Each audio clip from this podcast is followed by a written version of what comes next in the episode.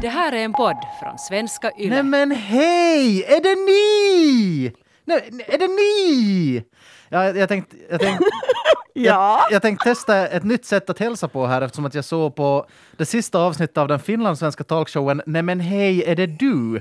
Med Thomas Lundin som programledare igår. Det finns fyra avsnitt, uh, det är helt underbart. Det, det är det svenska pensionärsförbundet som har producerat det de kallar coronaunderhållning i samarbete med alla finlandssvenska tidningshusen. Och jag var alltså, in, ni hör ju, jag var inte helt målgrupp för det här programmet, men jag ångrar verkligen inte att jag började titta. För hela, hela talkshowen går ut på att programledaren Thomas Lundin sitter i, i sin fåtölj vid, vid Café After Eight i Jakobstad och tar emot gäster som han inte vet på, har koll på på förhand. Musikern Thomas Enroth som spelar piano i programmet har bjudit in gästerna, alltså helt utan att Lundin vet vem de är. Så, så kommer gästerna in och sätter sig och så säger Thomas Lundin då Nej men hej, är det du? Och så vet han då förhoppningsvis vem, vem den här personen är.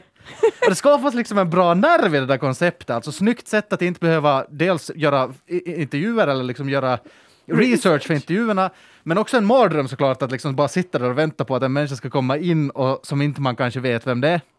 Och alltså, jag, jag, ska vara, jag ska ärligt erkänna att jag trodde först att det här var fake. Alltså de, att, de, att de säger att det är improviserat. Ja. Och, och så ska han då säga att "N- nej men hej är det du och låtsas vara förvånad. Så jag, jag gick in och tittade med, med agendan att kolla hur, hur bra improviserar han fast han har träffat gästen egentligen för några minuter sedan i korridoren. Men alltså det ser äkta ut! Alltså jag tror att det är äkta. Han, han, han, Är han, du osäker fortfarande? Nej, nej, nej. Han säger det med sån värme. Nej men hej, är det du? Han verkar, han verkar alltså känna alla finlandssvenskar, inte bara vara bekant med dem. Alltså känna dem. Men det kan jag faktiskt tänka mig om Thomas Lundin. Ja! det är så. Han känner de flesta jag, jag, finlandssvenskar. jag var lite konfunderad, jag trodde du sa Thomas Ledin. Just det! Ja, det, det kanske är säsong tre eller fyra det där.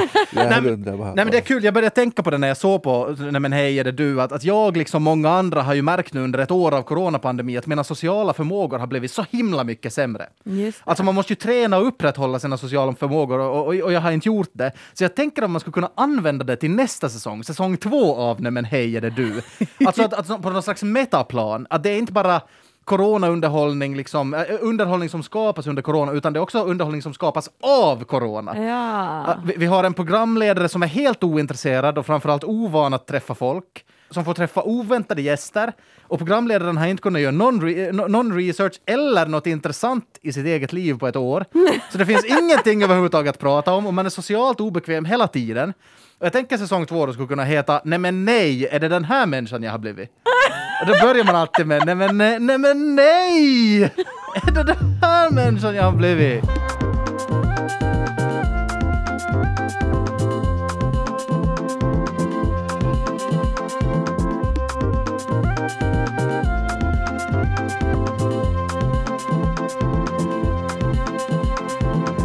Hej och välkomna till Sällskapet, en kulturpodd med samhällsperspektiv. Idag sällskapar jag med skådespelaren Tuuli Heinonen, hej på dig. Hej på dig! Och med journalisten Peter Alfakir eh, i Stockholm, hej på dig. Ja, hejsan. Du Tuuli är ju Helsingfors, det glömde jag säga där. Ja. Mitt namn är Jonas Forsbacka och jag är vikarie för Kia Svetihin i denna vecka. Vad ska ni prata om idag, Tuuli? Jag ska snacka om Woody Allen. Jag har kollat på en dokumentärserie och jag, ska, vill- jag, ska nu, jag, jag behöver få prata ut om det här. En av de mest omtalade dokumentärserierna just nu. Ja. Vi ska, ska vi sätta tänderna i. Peter, vad ska du prata om idag? Jag ska prata om nättidningen Bulletin som var tänkt som en svensk version av New York Times men som har blivit något av en såpopera där alla beskyller alla. Vi pratar om dolkar i ryggen, offentliga gräl, textplagiat och rabiata ägare som skriker på sina anställda. Otroligt bra, bra säljtext, Peter. Mm, tack. Eh, jag ska själv tänka högt kring en grej som jag tänker att kan ha diskuterats ganska mycket en del i Svenskfinland under den gångna veckan. Frågan om det kan tänkas vara en bra sak att klaga i offentligheten när man känner sig avvisad inom den finlandssvenska kulturen, trots att man säkert kommer uppfattas som en loser av vissa. Förra veckan publicerades namnen på vem som har fått stöd och arbetsstipendier från Svenska kulturfonden från den så kallade novemberomgången. Och jag tänker att eh, varje år när det här händer eh, så är det ett litet steg för de flesta människor men ett jättestort kliv för den enskilda kulturarbetaren. Det är liksom en avgörande sak vem som får de här stipendierna. Och jag läste att över 400 personer har sökt om arbetsstipendier i år och 77 som fick. Det betyder helt enkelt att det finns en hel del människor, tänker jag mig, ute i kulturen som är besvikna och ledsna just nu. Det här är någonting man pratar om. Och jag tänker att man som kulturarbetare har man ett val att göra i den, dessa tider när de här nyheterna når, når offentligheten. Eh, Det, det är fr- frågor som vem som får stöd och för vilken slags verksamhet och hur rättvist eller hur orättvist det känns. Eh, Det är helt säkert debatter som förs just nu på många olika håll, men som de flesta ändå väljer att inte ta i offentligheten. Eftersom att det, det ser inte så snyggt ut att starta en debatt eh, om någonting som man själv är involverad i. Alltså. Och det kan också vara lite farligt, tänker jag. Det kan, det kan så påverka framtida eh, stipendiemöjligheter och sådär. Att jag, ja, ja, det, det, men diskussionerna hålls nog utanför Diskussionerna sker, Ja. men bara inte i offentligheten. Ja. Jag tycker att det finns lite samma norm inom idrotten. Att om, om ett lag åker ut i, i en het slutspelsmatch eh, efter, en, efter en tveksamt dömd straff, det första lagkaptenen eh, på den förlorande sidan eh, ska, inte ska göra då i presskonferensen efter, det är att säga att ja, domaren var skit. Ja. Alltså, det finns en moral och en norm kring det. Att, Gör inte, det kommer inte se snyggt ut att du gör det. Alla vet kanske att, att det var så, men, men, men det ser inte snyggt ut helt enkelt.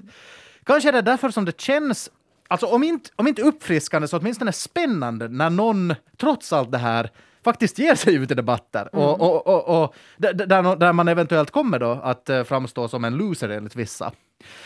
Eh, och jag kan, tänka så här, alltså jag kan tänka så här att, att om man då som kulturarbetare är bitter, är arg, är uppgiven och har kritik att framföra så kan man ju lika bra då välja att gå och klaga i offentligheten för det kommer ju alltid finnas någon som tycker man är en loser. Så man kan lika, bra, li, lika gärna liksom komma med lite kritik under tiden. Jag tror att det var kanske det här som hände i slutet av förra veckan när den finlandssvenska författaren och frilansjournalisten Mikaela von Kygelgren, som kallar sig själv för Kugge, skrev ett kritiskt blogginlägg på sin blogg Kugge skriver. Eh, Kugge har gett ut romanerna Vad heter ångest på spanska år 2017 och Nationen år 2020 på förlaget M och jobbar också som frilansskribent här bredvid. Men frågan är, är författare verkligen hennes riktiga titel? Blogginlägget handlar om att hon fick avslag på sin ansökan om att bli medlem i Finlands svenska författareförening. Och avslaget kom i november, men hon har alltså väntat tills nu med att skriva om det i offentligheten. Så det alltså just det här exemplet med lagkaptenen. Hon gick inte liksom i presskonferensen direkt efter och sa det, utan hon har väntat på det, hon har hållit på det. Men vad är det då för författareförening som författaren Kugge inte får bli medlem i nu då, kan man ju undra.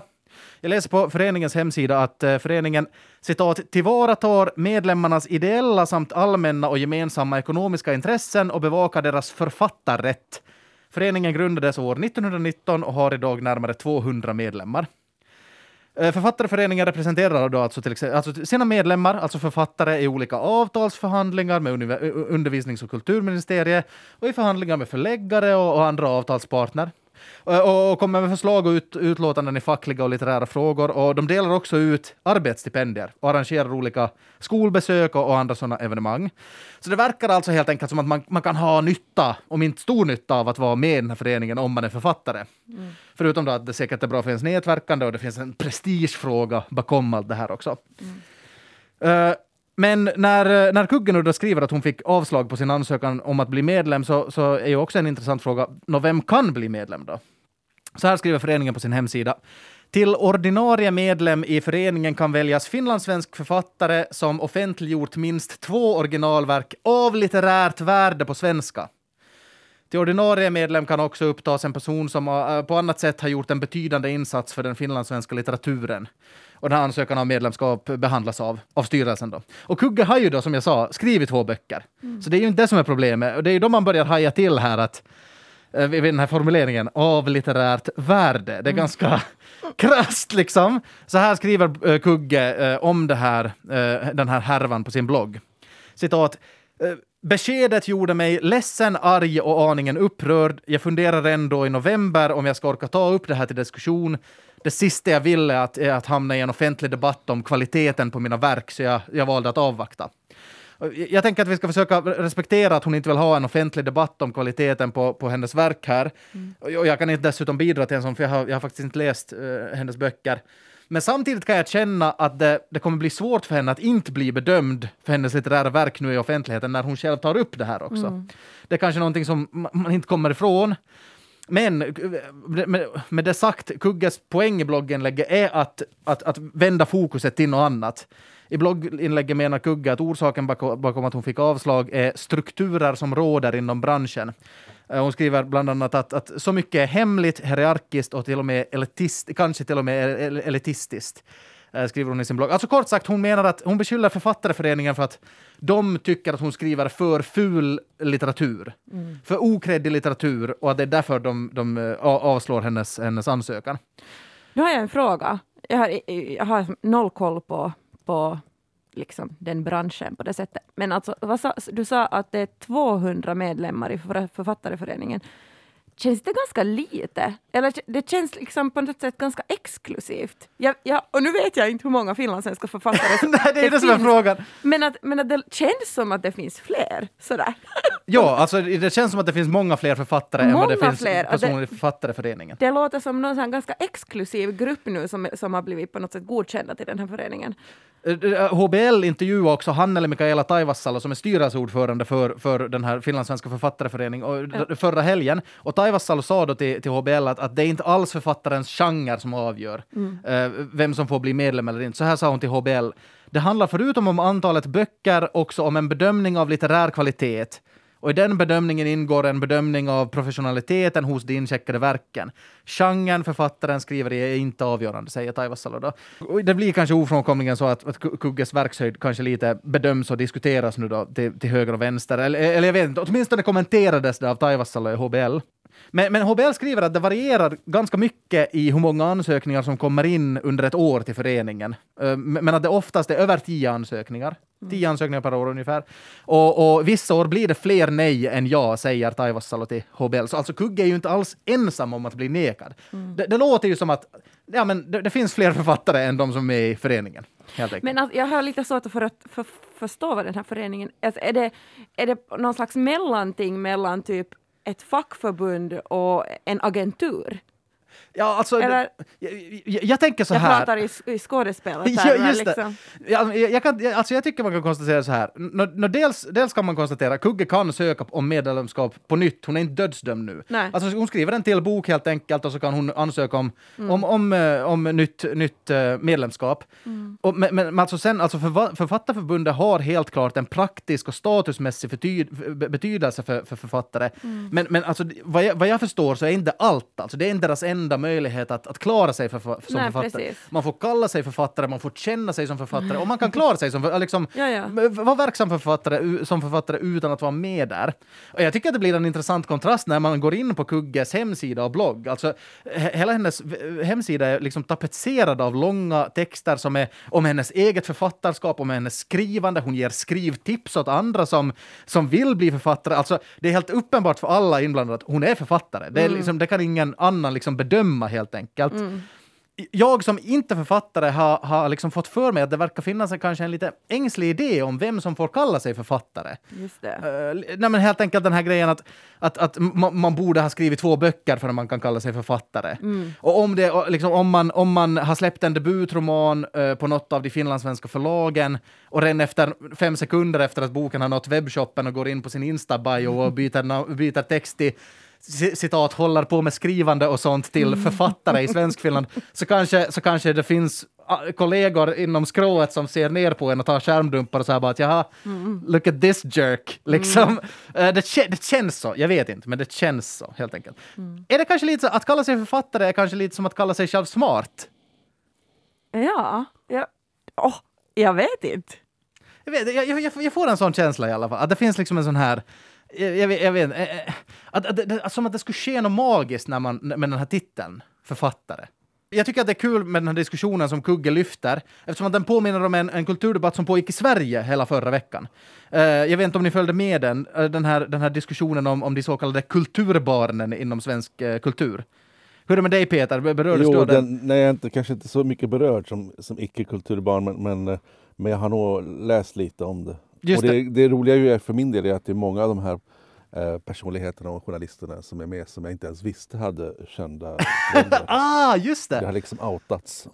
Just det, med stora namn som Alex Schulman och David Lagerkrantz nämndes i, i den svenska debatten. Också lite Men- svensk-Finland mainittor med Rafael Donner som nämndes där också. Ja. Nej, men de är lite mer upp, obvious, men det är svårare när barnen inte har samma efternamn som Just det. Eh, Maria Montelius till exempel. eh, Och, och Jonathan Unge som är... Ja, just det. Mm. Cecilia Hagen är är Jonathan Unges mamma. Det blev Mm. kanske lite snävt här. För den här- Ja. vem, vem, vad heter mam din ogift? Jo, Jonathan Unge. Jo, Eh, Men i alla fall, den här debatten i Sverige handlar om klass och nepotism och, och, och det här om att, om att släkt och familjeband skulle väga tyngre för en kulturkarriär, en kompetens helt enkelt. Eh, Det påminner ju lite om den här, den här debatten som, som Kugge ger sig in i här i Sve- Svenskfinland. Om, om vem som kan och får bli ansedda författare och kulturskribenter i Sverige helt enkelt. Ehm, och hela den här debatten i Sverige börjar med en krönika i Göteborgs-Posten av Sanna Samuelsson som är idé och kritikredaktör på, på GP Kultur. Och där skriver Samuel bland annat så här, citat. I kulturvärlden är alltså släktband det mest värdefulla kapitalet snarare än ekonomiska tillgångar. Denna kombination av klassintresse och klanbeteende är inte något nytt eh, och finns i många fält. Kanske är den det nya att lortiga lantisar som jag börjar ta mig in på kultursidan. Så vad är problemet? Samuel skriv- skriver själv att hon är uppväxt på en liten mjölkgård utanför Linköping. Därför kallar hon sig la- lantig. Lo- Lortis, lortig lantis.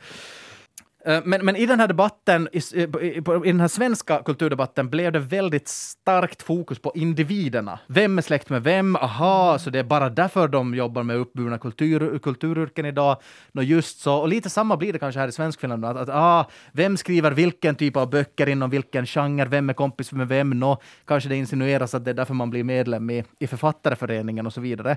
Men jag tyckte att det var så uppfriskande när kulturjournalisten Johannes Klenell eh, i tidningen Arbetet eh, var en av dem i, i förra veckans debatt i, i Sverige som konstaterade att de enskilda individerna och kulturbarnens släktband faktiskt inte är det mest intressanta egentligen här. Utan att det som på riktigt påverkar vem som hörs och vem som syns i kulturen och vem som tar del av kulturen på en bredare front, det är ekonomin bakom. Eh, och så här skriver han. När de monetära möjligheterna försvinner ur kultur, media och akademi, när vi stryper utgivningssystemen som ska motverka medelklassens nepotism, när man eroderar de institutioner, studiecirklar, föreningsstöd, replokaler, konsertlokaler, konsthallar, bibliotek, fritidsgårdar, kulturskolor som utgjort stummen i, i svenskt kulturskapande, ja, i svensk folkbildning, där står vi och kastar avundsjukt blickarna på kulturbarnen. Alltså enligt Klen- Klenell har finkulturen i Sverige helt enkelt blivit någon slags subkultur för rika, privilegierade personer från övre medelklassen med rätt kulturella anor. Så, så, ja, problemet är helt enkelt inte vem som är släkt med vem. Nej. Problemet är vem som har både ekonomiskt och kulturellt kapital så det räcker att ha råd att ta del av kultur eh, när kultur inte får det stöd de fått förr, enligt Knell- Klenell. Och jag tycker att det här, det, det här kan man ju tänka sig att drabbar både den som vill bli kulturarbetare själv, oavsett vilken bakgrund man har. Alltså om man inte om man inte har möjlighet att ta del av kultur i sin barndom eller liksom på skolan eller och, och, och allra minst i sitt eget hem, så kanske man inte blir kulturarbetare sen. Eh, och, och samma sak med konsument, alltså ifall det inte skulle finnas bibliotek som är öppna för alla, kanske inte man som helt vanlig människa blir läsare, ifall inte ens föräldrar har ett maffigt bibliotek hemma så att säga. Jag, jag tänker att det här exemplet Kugge här i Svenskfinland visar åt mig att, att det finns många författare och kulturarbetare där ute som jobbar med en massa olika saker. Eh, skrivworkshops, studiecirklar, föreläsningar, olika typer av skrivande med vuxna, med barn, med äldre, med, med alla möjliga eh, målgrupper så, som behövs, som är viktiga. Men kanske de inte alla liksom ändå eh, kommer att bli antagna till författareföreningen. Att Det, det, liksom det, det, de, kan finnas båda samtidigt. Liksom. Min poäng är alltså verkligen inte att ta ställning varken för eller emot att, att Kugge eller någon annan enskild författare inte har fått bli invald i, i den här författareföreningen. Jag tycker, alltså någon annan kan ta gärna den diskussionen för min del. Att, att är det så att liksom alla som ger ut böcker i Svensk Finland faktiskt ska ha rätten att vara med där? Ja, det, det kan inte jag svara på. Nej. Och, och jag, liksom, jag, jag, jag tycker också att det finns en relaterad fråga till det här som är eh, är det, är det en bra sak att det finns en instans, en förening i Svenskfinland som bedömer litterära kvaliteten? Att vi har en sån institution, liksom, eller institution är väl kanske att ta i, men liksom att vi har en sån plats som bedömer det helt enkelt. Jag vet inte. Eh, men, jag- men jag fastnade i, istället för frågan, liksom den här luddigare frågan kanske, att vem, vem kallar sig författare i Svenskfinland idag? Vem, vem får göra det? Är det så att vi också här i Svenskfinland, liksom i Sverige, att, att det, det, det är ofta kulturbarn som kallar sig författare och, och som skriver fin litteratur? Eller, eller har man rätt att kalla sig författare bara om man är godkänd medlem i den här författareföreningen? Eller är man författare om man bara har skrivit en bok utgiven på, på, ett, på ett eget förlag eller på ett, ett av de sto, stora finlandssvenska förlagen? Alltså, vad, vad, är det med den där titeln som är... Som är vad, vad händer med den där titeln helt enkelt? Mm. Jag känner liksom i en diskussionen men när man pratar om en annan titel och då är det skådespelartiteln. Att, eh, jag vet själv att det har varit liksom att när får man kalla sig skådespelare? Jag har kallat mig skådespelare sedan jag var fem år gammal. är det lite osnyggt? jag hade ett visitkort som sexåring där det stod Tuuli Heinonen näyttelijä. Jag ångrar mig, det är inte alls osnyggt, det, det, det är gulligt. Alltså. Det är fint att du har drömt om det så länge. Jo, jo, men det var liksom en självklarhet. Men sen, sen blev det ju liksom skakigare där mot när man blev äldre. Men att det sagt alltså att jag upplever ju att, att eh, min titel godkänns av andra nu först efter att jag har faktiskt blivit utexaminerad från Teaterhögskolan. Just det. Och det, ja, det, det, det, är svår, alltså det är en svår diskussion. Jag kan tänka mig att eh, med författartiteln är det lite liknande. Sådär, att man det är ska... samma sak också med, med journalist. Ty, tycker du det? Men det är Jo, så, alltså det, eh, jag tycker att det är en så oskyddad titel. Alltså, eh, vilken vilken liksom Patreon-finansierad eh, aktivist på Instagram som helst kan ju kalla sig journalist nu för tiden. Jo, precis. I andra länder så har man det skyddat. Ehm, och högre löner också. Just det, just att det är som en licens. Men är, Alltså jag tänker börja kalla mig journalist snart. För att igår, kväll- igår kväll när jag, när jag höll på att förbereda mig inför eh, det här, eh, på, på den här Nej, podden. inte förberedd, du gjorde research. Jag gjorde lite research. Alltså, men alltså det här, jag har ju som ingen aning vad jag håller på Alltså nu gör jag ju journalistarbete. Jag är ju journalist nu. Och jag känner ju att jag är skådespelare som sitter här och låts, låtsas göra en podd. Jag, jag trodde du skulle säga låtsas här- tycka om vad vi inte säger. Det är inte skådespeleri, det är en performance. Ja, ja, ja. Nej, men det, jag- jag vet att det- det är också, ska man låta den, den subjektiva känslan eh, styra. Om jag känner mig som författare kan jag inte då få kalla mig för författare. Mm. Just det. Jag gör ju ingenting olagligt egentligen om jag skriver på LinkedIn att jag är författare. Nej. Nej, men, men, Det är bara att jag inte är med i det här förf- eh, finlandssvenska författarbundet som, som eh, ja... ehm, jag vet inte, är det inte en liten, liten känsla av skråtänk där? Absolut, det- det, det tycker jag också. Men, men, alltså, men jag, jag tyckte bara att Johannes Klenells poäng i, i, i Sverige är så fin här. Att liksom att man kan syssla med en massa olika slags kultur och litteratur som också ska finansieras och stödas, som är viktig, som finns, alltså de, som är jätteviktiga att finnas i samhället. Eh, och, och kanske det får liksom vara en sanning parallellt med att kanske det finns författare och, och andra konstnärer som inte kvalar in till författareföreningen helt enkelt. Och samtidigt kan jag fatta, det handlar ju om någon slags liksom acceptans och någon slags att, att eh, det är en sak om jag eh, kallar mig för författare och jag anser att jag är det och, och det är liksom min identitet. Men det är väldigt viktigt att om omgivningen ger mig den credden också. Tuuli, hon är författare. Just det, just det. att, eh, det är väl Ja, kanske det, är det inte, det det är inte handlar bara så. I finlandssvenska författarförbundet så också finns det en väldigt stark driv att vara medlem så man får ta del. Då, inte bara av statusen mm. eh, utan också av de många stipendierna. Självklart. Så det, Mm. Men, och, men, och men den det titeln därför... också leder ju till ett lättare kanske att få bokkontrakt och så vidare i Mm. framtiden. Men det är just en därför jag tänker att det skulle- det skulle kanske vara då viktigt att komma bort från individfokuset på vem som kan bli invald i författarföreningen eller inte och istället konstatera att hur ska vi stödja allt, alla de andra som inte är med i föreningen också? Alltså, Mm. och också säkert föreningen behöver är kanske liksom inte heller ekonomiskt oberoende, det vet jag ingenting om, men alltså hur ska vi kunna stödja den, den mängd av olika slags kultur som är viktig att, att ha helt enkelt? Mm. Och sen, för, för att avsluta vill jag också komma in på det här, det här faktumet då, som jag börjar med, att, att, liksom, att, att skriva en sån här, att, att, att gå ut och, i offentligheten och skriva ett sånt här inlägg, som då kan säkert uppfattas som lite oskönt eller liksom eh, i värsta fall loseraktigt enligt vissa. Jag, jag, såg, jag såg att inför att hon hade skrivit det här in, blogginlägget Kugge då, så, så skrev hon på Instagram att hon får se om hon ska våga skriva någonting. Eh, att, att, eh, ja, men jag kan tänka, det, det verkar bara som att det inte alls är självklart att klicka på publicera. Det måste jag säga, att det tyckte jag att det var ganska starkt gjort helt enkelt. Sedan metoo kom igång så har jag väntat på när det ska hända. När blir det Woody Allens tur? Man kunde kanske säga, eller jag upplever så här äntligen. Den 21 februari släpptes avsnitt ett av den fyrdelade dokumentärserien Allen vs. Farrow på HBO. I fokus är Woody Allens och Mia Farrows numera vuxna adoptivdotter Dylan Farrow, som i nästan 30 år har anklagat och varit väldigt konsekvent i det. Woody Allen för sexuella övergrepp på henne när hon var sju år gammal. Hur insatta är ni i det här? Jag, jag, har inte sett den här dokumentärserien och när jag har närmat mig liksom det här uh, genom olika poddar och genom olika artiklar så har jag märkt att jag, jag, alltså jag borde ha tagit fram en penna och papper för att liksom rita upp släktträdet, för det är ganska det är liksom rörigt. Det är ganska rörigt. Ja. Uh, så, men men alltså det måste jag erkänna, jag har inte sett Woody Allens filmer alltså. Jag är liksom inte alls på det sättet. Uh, Nej.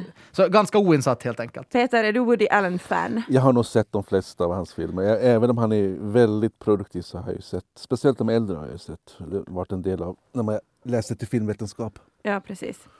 Uh, jag har ju själv av någon orsak alltid tyckt att Woody Allen är supersliskig.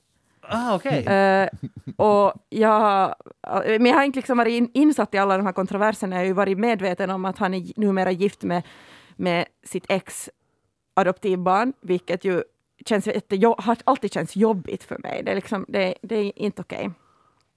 Men uh, när det kommer till hans filmer så, så jag tror jag har sett en enda Woody Allen-film och jag tyckte den var skit. och, och jag, har försökt, jag har försökt kolla på andra Woody Allen-filmer men blivit så otroligt uttråkad så jag liksom inte... Inte ett fan helt enkelt? Nej, nej. och det är någonting uppsynen av honom som får mig att må, lite i, må, får mig att må illa helt enkelt. Nå, nu har jag då sett den här fyrdela dokumentären. Jag tänkte gå igenom de här händelserna för det är ganska du menar, rörigt. Du har, fått, du har fått dina fördomar bekräftade då?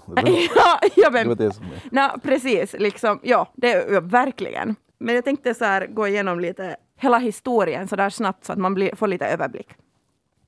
Alltså, eh, vi börjar, och, hel, och de går också, hela den här tidslinjen går igenom i princip i, i fyrdelade eh, dokumentären. Så 1977, vi börjar där.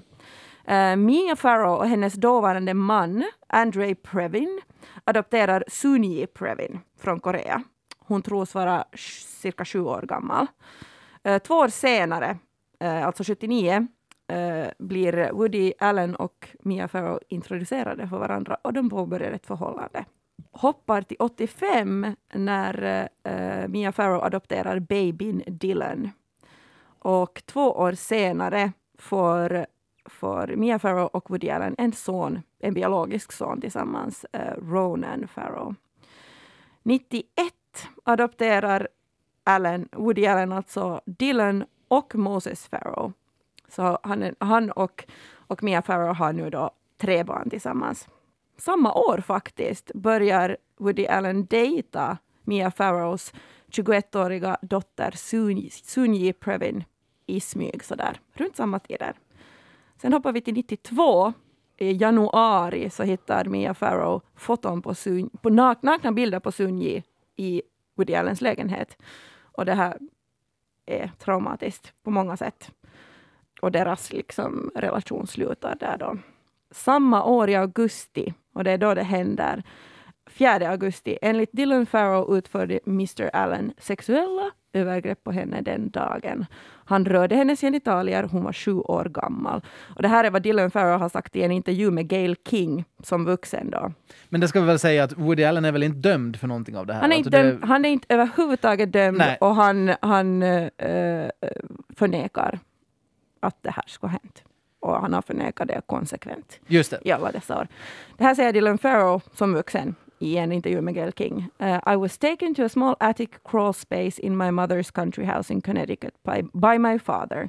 He instructed me to lay down on my stomach and play with my brother's toy train that was set up. And he sat behind me in the doorway, and I and I and as I played with the toy train, I was sexually assaulted. As a seven-year-old, I would say that he touched my private parts. Uh, as a 30 a 33 year old, he touched my labia, my vulva with his finger. Och den här historien har hon hållit sig till, alltså exakt från att hon var sju år gammal tills idag. Ja, det är ju otäcka vittnesmål att höra såklart. Det, det, liksom, det är obehagligt. Uh, sen fortsätter ju hela den här faderullan med att, att uh, Mia Farrow får veta att det här har hänt. Woody Allen då äh, reagerar med att eh, med att han vill bli ensam vårdnadshavare för de här tre gemensamma barnen. Så det blir en rättegång. Eh, det, det pågår en undersökning av polisen för de här sexuella brotten. Det blir ingen rättegång, för de vill inte... Alltså själva the prosecutor, jag vet inte vad det är på svenska. Han tror på, på Eh, Dylan och på hennes berättelse, men de vill inte utsätta henne för mera trauma. Så det blir ingen rättegång helt enkelt. Vilket, jag, jag kan inte riktigt förstå det. Jag blir liksom lite förbryllad hur det kan gå till så. Uh, hur som helst, vårdnadstvisten går igång och det är liksom jättemycket rättegångar hit och dit som, som Woody Allen sen förlorar. Och han får inte heller träffa Dylan efter det här. Det liksom, han får inga visitation rights. Men under tiden är han tillsammans fortsättningsvis med Sun, Sun Yi, Sun Yi. adoptiv, ja, adoptivdottern. Just det, just det. Absolut. Och allt det här då för, händer ju förstås under medias eh, öga Ja. och är väldigt, väldigt eh, offentligt. Och det händer mycket ända till, ska vi säga, nu hoppar vi till 97. Då gifter sig Woody Allen med Sun Yi. Sen är det liksom en tyst period. det är kanske inte i deras liv, men för oss som följer det här via media. Uh, sen hoppar vi till 2012 och då har Ronan Farrow blivit liksom vuxen. Han är också journalist uh, och han skriver på Twitter. Och det är ganska avgörande att han gör det för det är första gången han liksom kommer ut med någonting, ett uttalande. Han skriver Happy Father's Day, or as they call it in my family, Happy Brother-in-Laws Day. Uh, och jag tror det här liksom ger, ger en, säkert en push för Dylan Farrow att ta upp det här på nytt i offentligheten. Hon är uh, nästa år, alltså no, det blir november 2013, så, så uttalar hon sig första gången i en intervju som, i vuxen ålder. Hon är alltså 28 år gammal vid den här tiden. Uh, hon säger bland annat There's a lot I don't remember, but what happened in the attic I remember. I remember what I was wearing and what I wasn't wearing. Uh, och då kommer ju allt det här igång på nytt.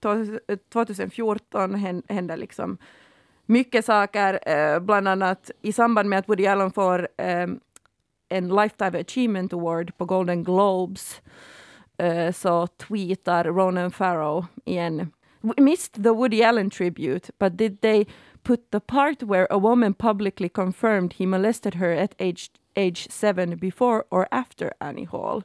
Och nu är det så här, nu har han sagt det offentligt att han tror på sin syster.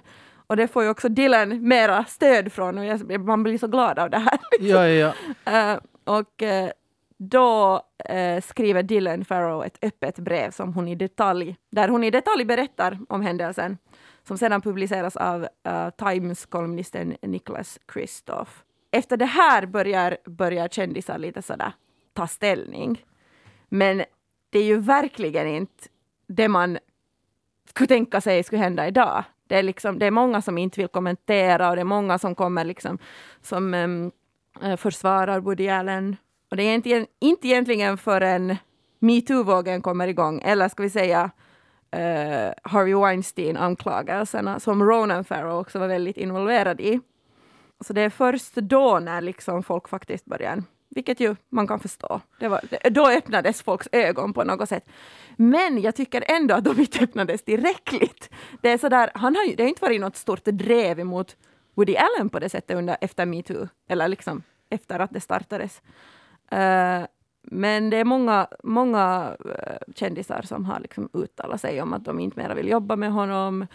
Eh, senaste filmen, A Rainy Day in New York, de flesta skådespelarna som var med i den så har valt att donera bort sina löner till välgörenhet. Och, och om jag förstår det rätt så visas inte hans filmer i USA för tillfället.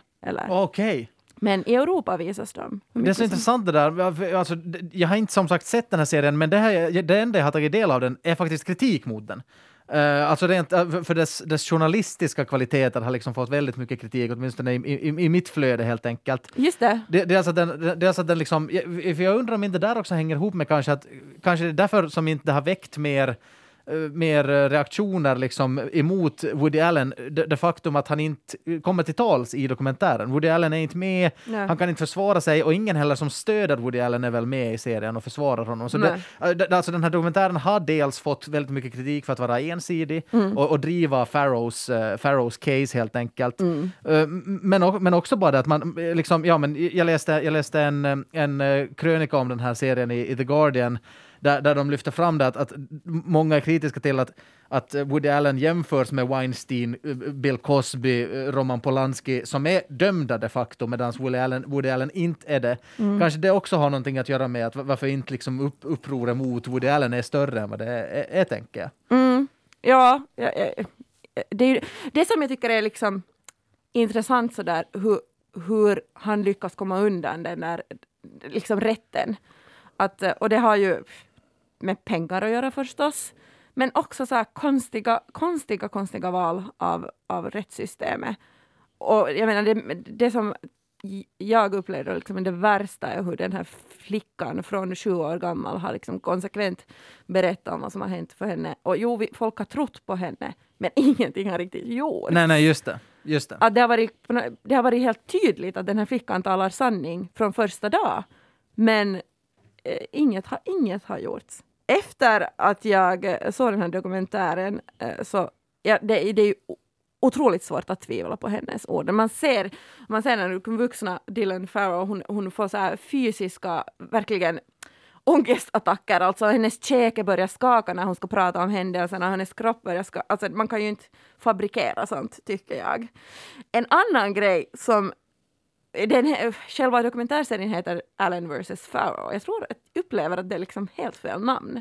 Just det. För att jag kan inte, alltså det är någonting, och nu, här, nu, kan, det, nu kan det hända att det är kontroversiellt att jag säger det här, men Mia Farrow, alltså bland de jobbigaste scenen, scenerna i den här dokumentären är, hon har alltså um, bandat diskussioner mellan, te, telefondiskussioner med henne, eller samtal med henne och Woody Allen efter att allt det här har hänt. När han eh, så här, hotar henne och, och hon försöker så där hon är så otroligt mjäkig i de här telefonsamtalen. Det är en man som hon har varit en relation, har haft en relation med som har sexuellt utnyttjat deras gemensamma dotter och hon ber honom om saker och hon, hon pratar så lugnt och jag, jag blir helt tokig. jag, jag det, det, det är någonting med Mia, alltså jag, hon är ett frågetecken för mig verkligen. Samtidigt som hon har ju konsekvent nog stöttat sin dotter, men hon har bara, hon har nog på något sätt velat blunda för hela historien. Också sådär, nu, hon säger flera gånger att nu, vi, vi bara försökte liksom get back to normal. Och, hur ska man göra det? Alltså, Vi, vi- vi ska kanske säga här igen att Alan är ju som sagt inte dömd för det här, men, men det, det är kul att du säger det här med att, att det är fel namn, för jag, jag lyssnar på En varg söker sin podd med Liv Strömquist och Caroline eh, Ringskog Ferrada-Noli. Och De reagerar också på namnet, men från en annan, ett annat vinkel. De tyckte att det här Allen vs. Farrow är ett, ett luddigt namn eftersom att Allen just då inte kommer till tals i Nej, serien. nej. Så att det, det, alltså liksom, ja men karikerat för att, för att förtydliga vad de kanske menar, så att det borde heta The Farrow Case eller, eller liksom Ja, ja, ja, att det är deras perspektiv på det helt enkelt. Ja, ja, plus att jag upplever att Dylan Farrow, dottern, är i, i liksom huvudpersonen i det här, he, hela grejen. Att Just det är liksom hennes liv man, man på något sätt får följa. Och hennes, det är från hennes perspektiv. Så det borde vara Dylan Farrows story eller någonting. Nå, ja, det är ju tydligt vad mina åsikter är. Och, ja. och sådär. Ja, ja. När man kommer till diskussionen att ehm, skilja artisten från konsten. Och jag vet att för många människor är Woody Allens filmer liksom genialiska och de är jättepopulära och sådär. För mig är det ju inte ett så stort problem, för jag har aldrig tyckt om hans filmer. Så jag kan på det sättet cancella honom. Men jag, nu ska inte vi prata, jag vill inte prata om cancel-kulturen för att jag tycker kanske inte att det är en bra, bra väg att gå. Men, men du Peter som har sett de flesta filmer, eh, alltså helt bara om du bara fokuserar på verken här då, vad, vad skulle du ge en, eh, på, på, från 1 till 10, Ja, vilket betyg, hans samlade verk? De som tror på, på Dylans berättelse har ju mycket att hämta i hans filmer. Han gjorde den här Manhattan eh, där han man spelade någon 40-årig man, misslyckad man som dejtade en 18-åring. Mm. Eh, och han har flera andra sådana ehm, liksom och sen också då att han dessutom blev ihop med, sitt, eh, med den här eh, adoptivbarnet som också var hemskt mycket yngre än honom själv. Så det finns ju där. Och så när man tittar på hans filmer så förstår man inte heller eller innan allt det här blev känt så, så reagerade jag själv på att han alltid skulle köra ner tungan i sin motskådespelerskas mun. Det var, det var liksom inga såna här snygga Hollywoodpussar man pussar på sidan av. Eh, utan det skulle liksom det skulle hånglas. Ja. Och det, det förstod man inte när man tittade. Vad, vad, vad är det här liksom? Mm. Men 1 till 10, hans samlade verk. Nej, men han, är- han, jag tycker mycket av hans film, många av hans filmer är bra och roliga. Det är ju inte, allting är inte ro, roligt och allt har ju inte åldrats särskilt väl. Mm. Eh, och jag är inte så förtjust i de här senaste. Där han, han, han gör ju en film om året ungefär och han har fått svårt i USA att få finansiering och så men han har fått en slags fristad i Europa. Precis som Polanski också fått. Just det, ja, det påminner ju faktiskt väldigt mycket. Men, att, med, med eh, skillnaden då att Polanski är ju dömd. Han är dömd men han, han avvek väl innan själva domen kunde genomföras. Ah, just det, han är i exil, ja, det är sant. Han är i exil i Frankrike där. Ja, det är sant, ja. Så Men- att han, och hon som han då förgrep sig på har väl på något sätt, jag vet inte, hon har inte heller velat eh, jaga honom. Jag, jag minns inte riktigt hur det är, men det, det är också en komplicerad historia i botten. Men jag gick ju då alltså väldigt djupt in i så här diskussion med mig själv om alltså hur, jag, hur jag förhåller mig till det här nu. Eh, och då kanske tänkte jag också på andra, andra artister som jag känner att jag kanske inte vill stödja längre, till exempel. Till exempel Michael Jackson eller, eller eh, R. Kelly. Eller så här. Eh, men jag tänkte testa mig själv. Så jag, jag hittade då en av, en av eh, Woody Allens nyaste filmer på Netflix, A Rainy Day in New York. Så tänkte jag, jag ska kolla på den. Okej, Eh, okej. eller så här, Hur fi- fixar jag att kolla på den? Och, eller vad liksom, kan jag se på det här? Och det här var efter att du hade sett dokumentärserien som vi ju mycket väl har hört dina åsikter om. Yes. Liksom. Okej, spännande. Ja, och jag, jag kom in på Netflix där, hittade filmen och sen, sen stoppade jag mig själv och var sådär, vänta nu. Och då insåg jag att vad, vad, liksom, vad hindret för mig var. Och det var det att jag var osäker på hur, hur kommer, vad handlar med statistiken av liksom views? Ger det pengar åt Woody Allen? Okej, okej. Och så tänkte jag, om jag nu skulle ha den här filmen som DVD, någon skulle ha köpt den och jag har fått låna den, då skulle jag klara av att se på den. Så om året ska ha varit 2004 eller 2008? Ja, det, det, jag märkte att okej, det, det här handlade om för mig. Att jag till exempel Michael Jacksons låt på Spotify. Nej, jag kan inte lyssna på den för jag vet att från det så kan han få pengar och det hamnar i statistik. Men finns det en kassett som jag har bandat Det, så kan jag. det, det, Det, det, det, en handlar ny, bara om pengar. Jag en vill ny inte take på det hela. Ja, jag vill inte stödja eh, finansiellt någon. Jag tänkte, jag tänkte just säga, det har liksom skrivits eh, spaltvedrar och krönikor om liksom, hur, hur ska vi gå vidare från cancel culture, hur ska vi gå vidare från polariseringen? Tulis svar, börja titta på kassetter istället. Det är liksom, Ja, det är. Så, lösningen. här, follow the money. Alltså, det, det, det, det, man ska, han ska, ingen av de här gubbarna ska mera få pengar på grund av mig. Ja, personerna som uppfann VHS-kassetten eh, är nöjda nu i alla fall. Bulletin, jag vet inte, har ni hört talas någonting om Bulletin Ja, i Finland? Vad, vad har ni hört då? Jag har inte hört någonting, så nu educate me please. Mm. Alltså jag, jag, jag eh, kommer ju från ett, alltså jag är journalist och jag eh, hänger på den här journalist-Twitter-bubblan, så jag har ju liksom följt Bulletin från start till, till nu egentligen, alltså med, med, med stort nöje. Det är, alltså, kort sagt kan man väl säga att det var en sån här liberal-konservativ nyhetssajt, kallar de väl sig, alltså en, en, en webbtidning helt enkelt, som startade här för, för en tid sedan och, och de, liksom, eh, de gick in med ganska mycket pengar och resurser och lockade ganska stora, stora tunga namn till tidningen. Eh, Bland annat Ivar Arpi från Svenska Dagbladet och, och eh, Alice Te- Teodorescu som tidigare också har jobbat på, på eh, vänta nu, Göteborgs-Posten kanske. Mm. Eh, och, men som har jobbat för, för Moderaterna här emellan tror jag. Och, och liksom, ja, men fick ganska namntungt gäng, också, också journalister, helt vanliga nyhetsjournalister från SVT och så här, med, med bra erfarenhet. Och så skulle de starta upp den här nyhetssajten och sen blev det ju minst sagt eh, pannkaka med det hela. Jo, man kan ju säga att det är en av de största händelserna i i det svenska medieuniversum på senare tid. Och det, det är liksom inte för att redaktionen har gjort särskilt många banbrytande gräv eller att de har gjort eh, liksom kända nyheter eller någonting, utan mer för upplägget. Och just som du sa, hur de har lyckats locka flera profilerade skribenter och journalister att säga upp sig från sina jobb och liksom hoppa på det här högertåget. Eh, och det var ju tänkt från början då som en utmanare till gammelmedia och beskriver sig som liberal-konservativ med högerprofil. Och, och, trots det här så har ändå föresatsen varit att man skulle satsa på journalistiken, den skulle vara fokuserad på fakta och inte på åsikt. Och grundarna bakom är en entreprenör som heter Pontus Thulin och eh, invandringsdebattören och författaren Tino Sanandaji och journalisten Paula Neuding som varit krönikör på bland annat Svenska Dagbladet och Göteborgs-Posten. Politisk chefredaktör var det då Alice Teodorescu Måwe som kom närmast från Moderaterna. Och det här är väldigt mycket namedroppande i svensk medievärld så ni får väl stoppa mig här och så får ni fråga mig om jag ska mm. försöka försvara, förklara. Uh, och det finns, men för att få lite då, uh, uh, balans på det hela så tog också Bulletin in kända namn från, från utanför högerkretsen. Bland annat har de en kulturchef, Fredrik Ekelund, Marisol M och Nina Likander då, som är känd skribent från vänsterkanten. Eh, det var bakgrunden. Men vad hände då? Det, det låter ju bra det här. Eh, och till en början verkade det bli en succé. De fick 8000 betalande prenumeranter och närmare 4 miljoner kronor i intäkter bara första veckan. Uh, och sådär. Så det, det, och, och, fick knutit till sig de här eh, kända journalistnamnen. Men ganska snart så började problemen då.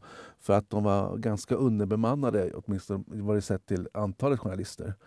Uh, och det gjorde att de ändå ville fylla sajten med artiklar eh, men det fanns inte tillräckligt så man började plocka in artiklar från TT och från alla, alla, möjliga håll. Och någonstans där har det brustit och någon journalist har lagt ut en massa artiklar, 20 stycken, enligt Dagens Nyheter som då var publicerade utan cred eller källhänvisning.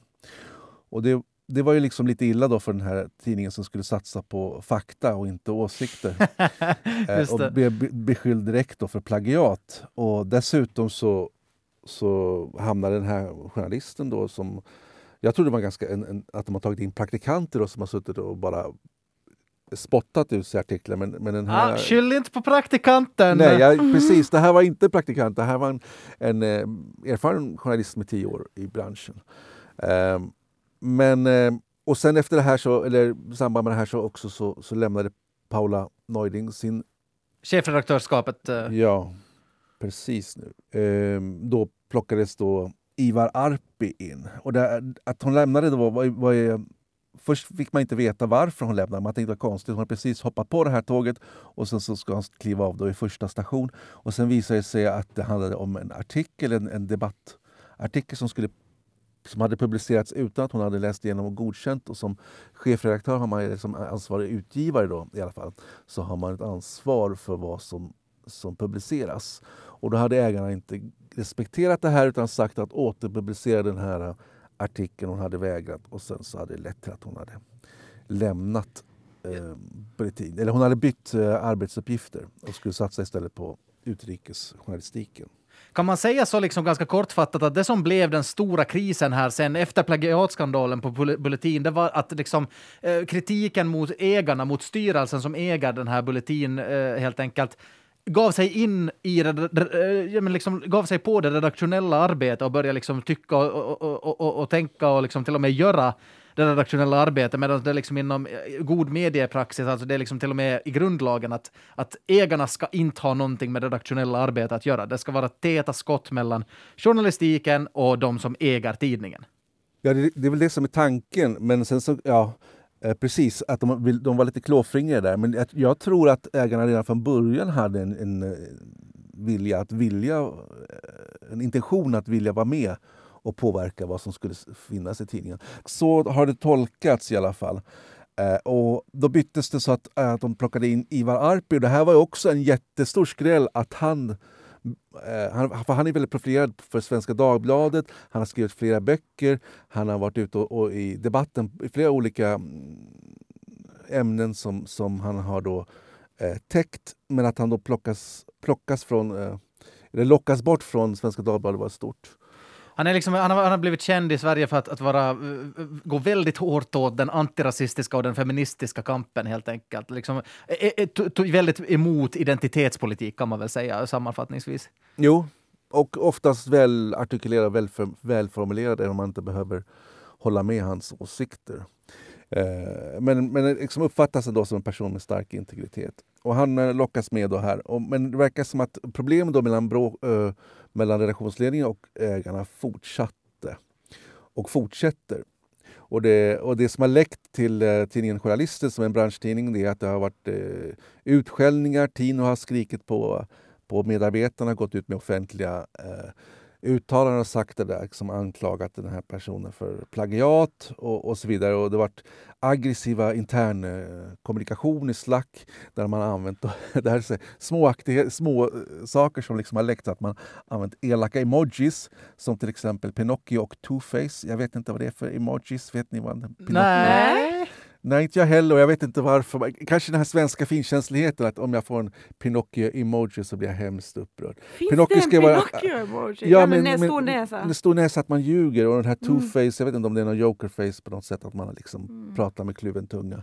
Det är väl en sån här oskriven regel, åtminstone när politiker debatterar, att man, ska inte säga, man får inte säga att någon ljuger. Att det är liksom väldigt ofint. Så man ska ju, det är därför de politiker ibland kan höras säga att, att eh, du, du far med osanningar eller liksom, du, du har inte fakta. Ja. Liksom, för att, kanske det där är ett sätt att också kringgå att kalla någon lögnare. Att skicka istället en Pinocchio-emoji. precis. Men det är sådär, jag tycker också typiskt svenskt att det är passivt aggressivt att man liksom skickar en sån istället för att säga det rakt ut. Men, men alltså får jag säga det, jag läste Aftonbladet, en av de roligaste, märkligaste styckena jag har läst på länge.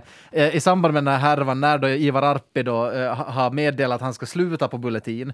Eh, vi, kommer säkert komma till det senare, men, men, men där så, så frågar Aftonbladet då att hur reagerar ägarna? Hur, hur reagerar Tino Sanandaji och Pontus Dolin och, och, och Tarka hette han den här tredje ägaren. Jag vet inte. ja, de var tre ägare i alla fall. Hur reagerar de på besked, beskedet att ni ska sluta? Och Arpi sa någonting i stil med att ja, men vi- har haft ett problem här på Bulletin och det är att våra två majoritetsägare, Tino och Pontus, inte vaknar förrän sent på eftermiddagen. Så det, det är inte helt troligt att de har vaknat ännu. Och så, så minns jag att det stod i Aftonbladet artikel, säger Ivar Arpi klockan halv fyra på eftermiddagen. Det är sådana små tjuvnyp, alltså det är så Jo. infekterat det här. Och det, och det är som, det är också, det har, varit en del av, av glädjen bland skadeglädjen bland gammelmedia. För det här skulle komma och vara sådär systemkritiskt och eh, riva upp eh, gamla förutfattade meningar vad, vad en nyhetssajt kan vara. Och sen så, så faller de på de här interna bråken. Och, och också ser man väl kanske från, från eh, som journalister så, så, så, så gottar man sig åt det här att det kommer in ägare från entreprenörshåll och ska göra tidning. Och det har ju fått eh, då kommentarer kallar det här för Bulletin för en, en skolklass som leker tidning eller att det är amatörernas lekstuga. Men samtidigt så finns det också en allvarligare diskussion då på hur man ser på en redaktion. Och ägarna verkar ha sett det här som ett affärsprojekt där de pytsar in pengar och så, de som betalar ska också ha sista ordet vad som publiceras. Och det syns ju också inte minst för att man har låtit sin IT-chef ta allt större ansvar. Och istället för att ge honom en slags journalistisk titel så kallar man, kallas han för produktägare. Det där är intressant att du säger, för jag lyssnade på eh, Sveriges Radio P1, Studio 1, när Ivar Arpi och, och, och Pontus Tolin debatterar mot varandra i den här härvan. Och jag reagerar på en grej som uh, Tolin sa där i förbifarten. Han kallar Bulletin för ett tech-startup. Ja, Uh, vilket liksom, jag tycker att det är talande för kanske den här liksom eh, vad problemet har varit. Att liksom, eh, redaktionens syn på Bulletin är såklart att det är en tidning, det är en nyhetssajt, medan ägarna har sett det som någon slags startup, ett företag liksom. jo, men jag tror också det är ett sätt för dem att göra en icke-benämning av tidningen för att komma runt de här problemen med ansvarig utgivare och så vidare. Ah, just det.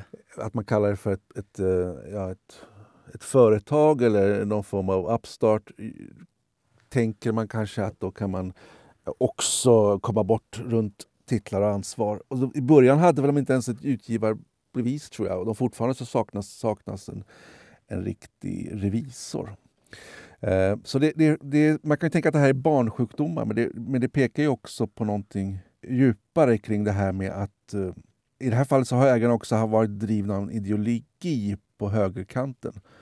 Eh, och det har ju speglat sig i nyhetsflödet. Även om man har sagt att man ska vara eh, news och not views så har ju många av eh, artiklarna, åtminstone till en början, handlat väldigt mycket om invandringsfrågor. Då. Och nu, den senaste utvecklingen då att, att i veckan här så har mm, flera journalister lämnat det här sjunkande skeppet, bland annat Ivar Arpi. Då. Och sen har ju också den här eh, plagiatanklagade journalisten stämt fem personer för förtal och bland annat också då Ivar Arpi. Så att det, det är svårt det här med att kunna driva en tidning och journalistik med opinionsbildning med en tydlig politisk prägel. Eh, och vad säger det liksom om andra sådana här projekt även på vänsterkanten? I, till exempel så har ju Arena fått läggas ner och feministiska tidningen Bang har också lagts ner. Så det är inte helt lätt att starta upp en, en tidning som har en vilja till opinionsbildning. Nej, jag tycker att det som är intressant att man har ju pratat länge tycker jag om att mediebranschen liksom blöder ekonomiskt. Alltså liksom de här exemplen du ger nu kanske har måste läggas ner för att man får inte helt enkelt prenumeranter. Man, man får inte personer att betala för produkten. Men det, det som är intressant med fallet Bulletin är ju att de hade ju pengarna. Liksom. De hade ett stort, ett, ett starkt eh, startkapital. Men det var liksom andra saker som föll. Jo, och sen så när man också får veta vad, vad de här människorna tjänar på Bulletin. Det är ju ändå en nätsajt och jag tror att en vanlig journalist där tjänade runt 5 000 euro i månaden. Bye bye, jag säger upp mig! och Ivar Arpi själv skulle haft långt över 10 000 euro i månaden. Oj då! Så att eh, det är ju pengar, money talks, bullshit walks. Mm. Eh, och det kan man, kan man ju förklara också en, en, en, orsak till att man då hoppar av sitt, sitt trygga jobb på Svenska Dagbladet och satsar på någonting annat. Mm. Eh, och då kanske också då, som ägare som man pungar ut med 5 000 euro för journalisterna eh, varje månad så vill man kanske se resultat. Och det har jag också eh, Tino anklagat dem för att, att vi, har, vi har betalat ut här en massa miljoner kronor men inte ett endaste större gräv har liksom kommit till skott.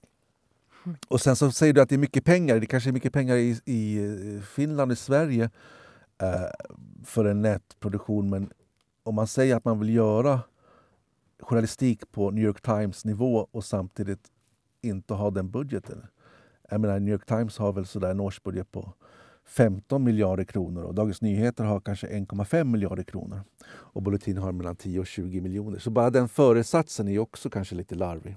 Det där är faktiskt intressant, för jag menar det finns ju, alltså Bulletin är ju inte enda som, är, som kapital, försöker kapitalisera på att vara alternativ media. Det är ju ett begrepp liksom att det finns många sådana mindre alternativa poddar, det finns alternativa nyhetssajter och så, och så vidare som mer kanske till och med resursmässigt liknar bloggar liksom, för att de har helt enkelt inte styrkan. Men jag tycker att eh, min bild av dem är att de försöker använda det, att liksom se på oss, vi är liksom äkta, vi är, vi är gräsrötter, vi har inte SVTs budget, vi har inte DNs liksom prestige, men därför kommer vi att göra mer äkta journalistik så att säga. Mm. Men Bulletin gick genast ut utan att ha resurser att säga vi är svenska New York Times. Det är liksom, var det hybris tänker jag?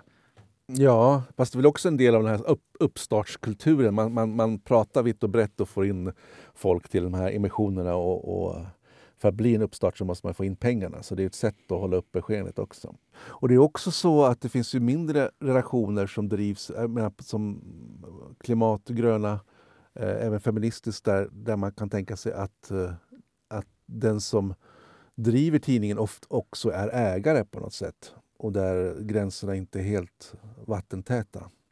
Alltså egentligen i lyssnarfinansierade eller liksom läsarfinansierade eh, medier så blir det ju nästan lite så. Alltså där, där är det ju inte som att, alltså där är det ju så här att man säger att ni alla, ni får chippa in en liten slant för att vi ska kunna göra det här. Och så säger man vi är helt oberoende, vi får inga reklamintäkter, vi får inget liksom statligt stöd, utan det är ni som, som eh, ger oss möjlighet att göra den här produkten.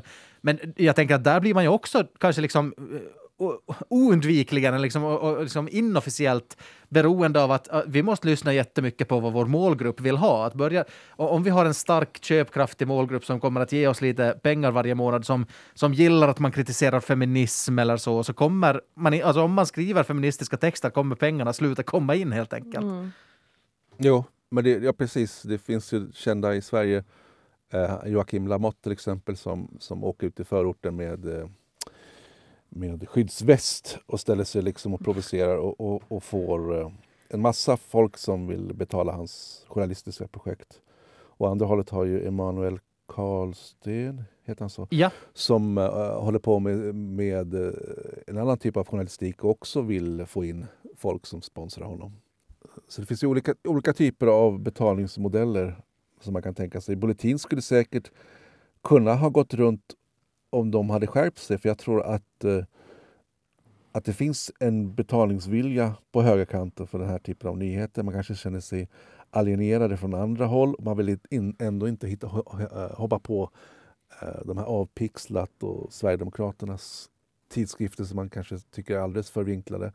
Eh, utan man vill hitta någonstans på högerkanten men inte absolut, absolut höger. Så det finns säkert, och det finns också säkert eh, annonsörer som skulle vilja betala för att få del av de läsarna. Men man eh, har uh, lagt ut sin egen snubbeltråd i fallet här. Det här kommer ju bli en tv-serie. Det skulle vara himla kul. Svenska Succession. Ja, jag vet inte. Synd bara när, liksom, jag, minns när, jag minns när kontoret kom, alltså det svenska The Office. Yes. Va? Total katastrof. Hen Ja, Henrik Dorsin, alltså det Ja, precis. jag vet inte om någonting har floppat så mycket som det under min livstid. Henrik, Henrik Dorsin gjorde den här Dwight, eh. Dwight-karaktären. Men jag har inte ens hört om det här. Tjenare mannen! Snart kommer svenska Succession med, som handlar om, om den här Murdoch eh, Sanandaji-karaktären. Kommer också floppa totalt.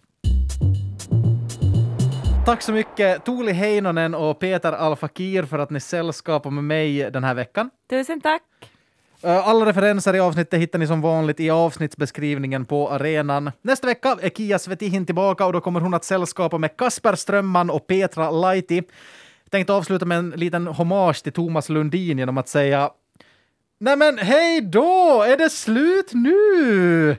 Eller är det töntigt? Nej. Nej men hej då! Jag, jag, när du säger så, så låter det låter precis som Buklubben. Nej då, det var inte det var inte det jag sökte men, men tack. Ja. Hej då! Hej då. Hej hej!